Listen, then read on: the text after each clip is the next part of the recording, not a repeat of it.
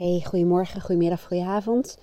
Dit keer een podcast over wat je nu op dit moment al kunt doen om je leven leuker te maken. Het is namelijk zo dat als we wakker worden, vallen we vaak op één of meerdere uh, automatische programma's. Ons automatische piloot, ons onbewuste brein, waarin programma's zitten en scripts. En die worden als het ware, als jij tenminste niet bewust nadenkt, die worden gewoon opgestart die zijn bijvoorbeeld gelinkt aan een bepaalde gebeurtenis of moment zoals het wakker worden. En wat je ook vaak ziet is dat mensen dan onmiddellijk hun telefoon pakken en hun hele uh, Instagram tijdlijn gaan afstruinen of nou ja, whatever mail gaan lezen. Dat is bij wijze van spreken gewoon een soort van script dat afgespeeld wordt op de automatische piloot. Heel veel mensen hebben het gevoel dat ze uh, ofwel niet alles uit het leven halen, of dat ze niet helemaal gelukkig zijn, of dat ze passie missen, of nou ja, noem het allemaal maar op. En um, nou, voordat ik daar helemaal op inga, ga ik in deze podcast niet doen hè, hoe je dat kunt veranderen en wat zijn dan belangrijke waarden voor jou en hoe, hoe speelt je persoonlijkheid daar een rol in. Gaat het er soms ook om om jezelf af en toe even van die automatische piloot af te halen? Want als elke dag als het ware enigszins hetzelfde is en dat je valt op die automatische scripts, om het zo te zeggen, ja, dan is er soms ook gewoon simpelweg niet heel veel aan. Dat is natuurlijk niet zo absoluut en ook niet altijd zo. Ehm, maar mensen houden ook van wat impulsen, wat verandering, wat, wat prikkelingen, um, enigszins uitdagingen, nieuwe dingen. Eh, nieuwe ervaringen. En, en, en, kinderen hebben dat bijvoorbeeld mm, over het algemeen nog iets meer dan wij volwassenen.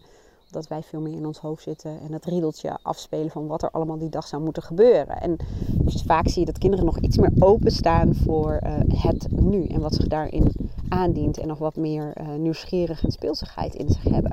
Nou, het automatische programma doorbreken kun je al heel eenvoudig doen. Door um, dingen anders te doen dan dat je normaal gesproken doet. En ik zal je een paar voorbeelden geven. En daardoor kan het meteen al een stukje leuker worden, want daar start ik natuurlijk de podcast mee. Je kunt natuurlijk, hè, als je naar je werk kunt of gaat, een andere route nemen. Of als je boodschap gaat doen, een andere supermarkt gaan verkennen. Of een keertje naar de Turkse winkel gaan om daar je groenten te halen of iets dergelijks. Maar laat je verrassen en, en zet jezelf open voor nieuwe ervaringen bijvoorbeeld. Nou, dat is een voorbeeld. Maar wat ook kan, wat ik bijvoorbeeld uh, best wel vaak doe. Ik hou eigenlijk niet zo van bellen. En ik zeg eigenlijk, omdat ik dan bijvoorbeeld, um, stel dat ik met mijn moeder bel, die heeft geen WhatsApp of dat soort dingen. Dan als ik eenmaal aan het bellen ben, vind ik het fijn om contact met haar te hebben. En verbondenheid en familie is een waarde voor mij. En, en, en, bij wijze van spreken is de telefoon gewoon een middel. Dus als ik eenmaal aan het bellen ben, dan vind ik het fijn om, uh, om even met haar te praten. Maar ik maak het nog leuker door dat buiten te doen. Door bijvoorbeeld lekker een stukje te lopen. Of door in de tuin te zitten of door de tuin heen te struinen.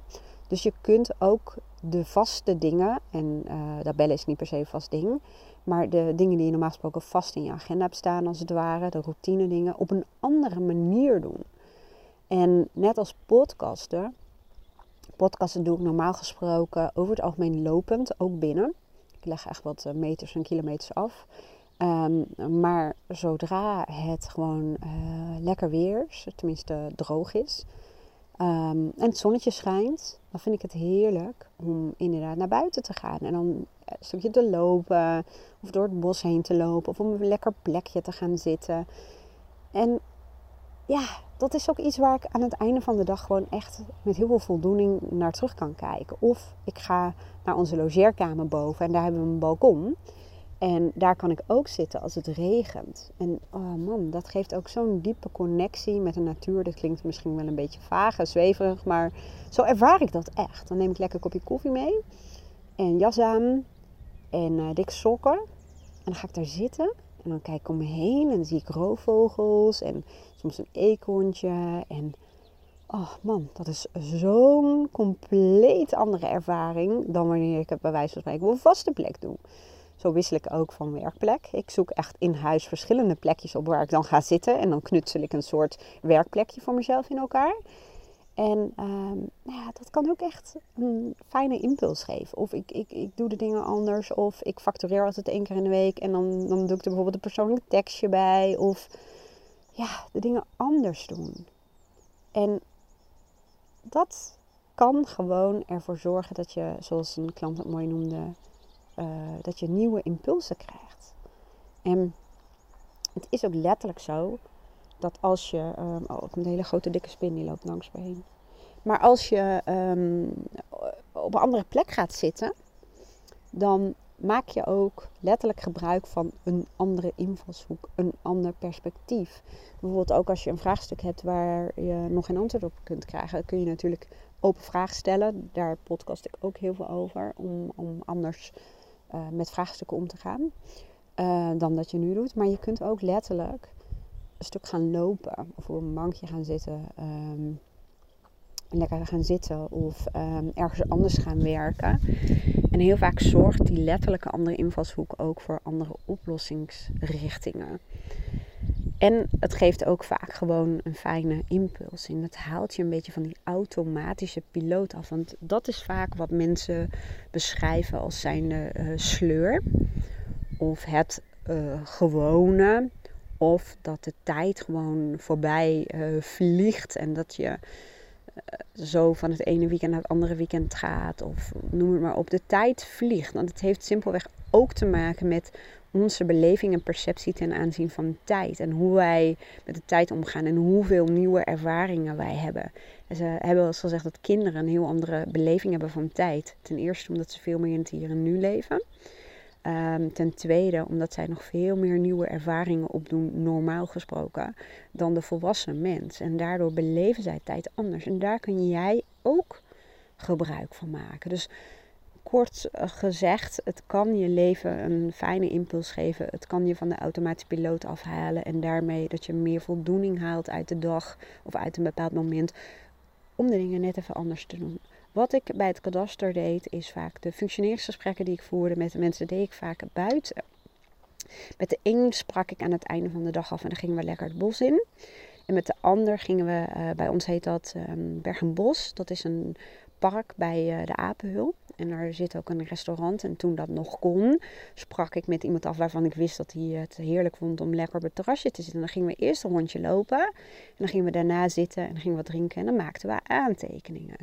En daardoor hadden mensen ook echt het gevoel, het is eigenlijk een soort mini-vakantiemomentje. We zijn gewoon aan het werk.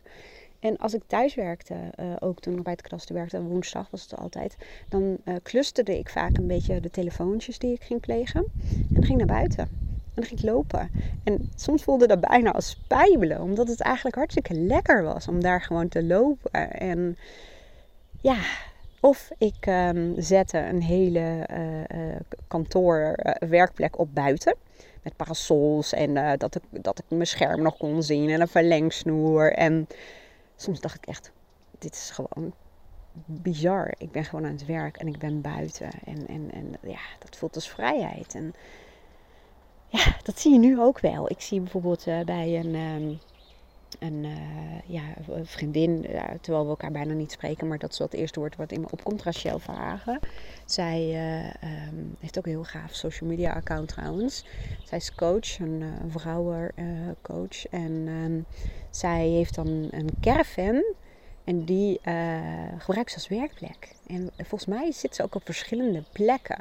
En ik ken ook collega's, eentje bijvoorbeeld in Friesland, die heeft een campertje is ook coach dus. En die uh, toert een beetje Friesland door. En die laat haar klant uitkiezen waar ze de coachsessies uh, hebben. Wauw.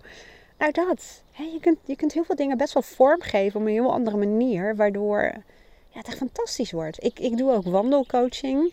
Uh, met mensen die dat gewoon leuk vinden. En waarbij ik zelfs met een aantal mensen afspraak heb dat we no matter wat, al regent het keihard, gaan we toch. Dat zijn trouwens wel de afspraken die ik aan het einde van de dag maak, zodat ik geen afspraken meer heb bijvoorbeeld.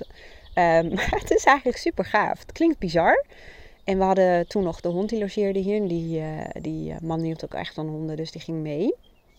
En we gingen ook echt gewoon, we liepen ergens heen zonder te weten waar we heen gingen door de zijkende regen. En dat, ja, dat geeft toch het gevoel alsof je leeft. Het is anders dan anders. Um, ja, het geeft je gevoel dat bij wijze van spreken het weer ook helemaal geen hindernis is.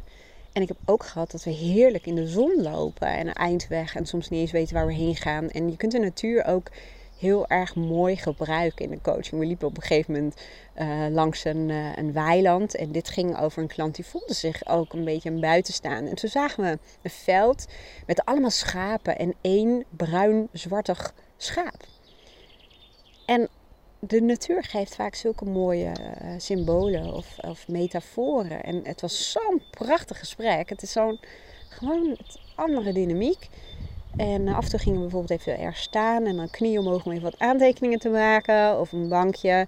Maar daardoor vind ik tenminste, want dit gaat natuurlijk ook wel over mijn persoonlijke waarden en manieren om daar invulling aan te geven. Maar joh, je kunt zo compleet andere ervaring hebben.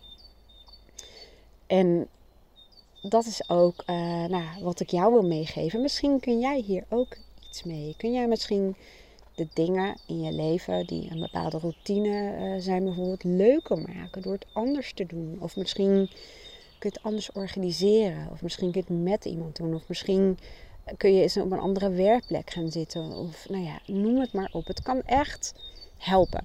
Waarbij ik ook zeg, um, in mijn Instagram uh, story vandaag uh, stelde, gaf ik een vraag mee. Hè? Stel dat je je leven nu een cijfer moet geven op een schaal van 0 tot 10. Waarbij 0 echt waardeloos is en 10 is geweldig.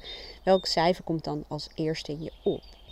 En ga dan, stel dat dat een 6 is, ga je jezelf dan schaalvragen stellen. Van wat zou het een 7 maken? Of een 6,5? Wat zou het al ietsjes beter maken?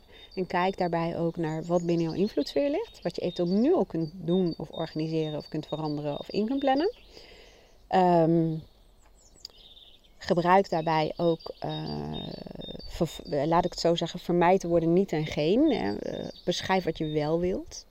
En wat er um, nou ja, wat anders mag zijn. Of wat je leven inderdaad al een stukje beter zou, uh, zou maken.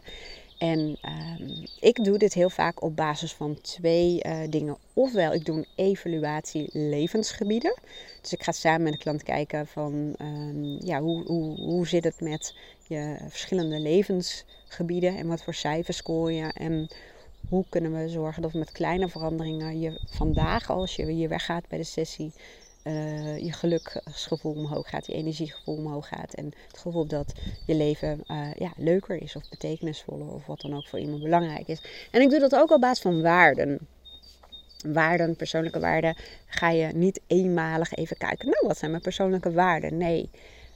Het gaat er ook om dat je leert uh, herkennen wanneer een tekort is in één of meer persoonlijke waarden. En hoe je daar dan voor zorgt. En hoe je dat al meteen doet met kleine veranderingen, zodat je niet je geluk gaat uitstellen naar een toekomst. Waar ik aan toe wil voegen, waarvan helemaal niet zeker is of die er is. En waar je nog helemaal geen grip op hebt. En het gaat om het hier en nu.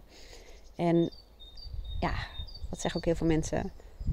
Kleine dingen kunnen een heel erg groot verschil maken. Je hoeft niet je leven rigoureus op de kop te zetten. Maar je kunt al wel kijken hoe je al bezig kunt zorgen voor bepaalde persoonlijke waarden en behoeften die belangrijk voor je zijn. Ja, als, als iets heel belangrijk voor je is en je doet het maar heel weinig, dat ga je gewoon voelen in je energie, dat ga je voelen in je geluk. En wat kun je al veranderen om, uh, nou ja, om, om ja, zoals heel veel mensen zeggen, meer uit jezelf en je leven te halen. Nou, ik hoop dat je er weer wat aan had. Als dat zo is, dan laat even een reactie achter. En uh, het kan maar zo zijn dat je denkt: hé, hey, hier kunnen andere mensen ook wat aan hebben. Leuk als je mijn podcast deelt. Kijk even op YouTube of je al abonnee bent. En uh, kijk even op Apple Podcast of je al een keertje een beoordeling voor mijn podcastkanaal uh, hebt achtergelaten. Daar hou ik van. Zou ik super leuk vinden. Ik wens je een hele fijne dag en tot de volgende podcast. Doei doei.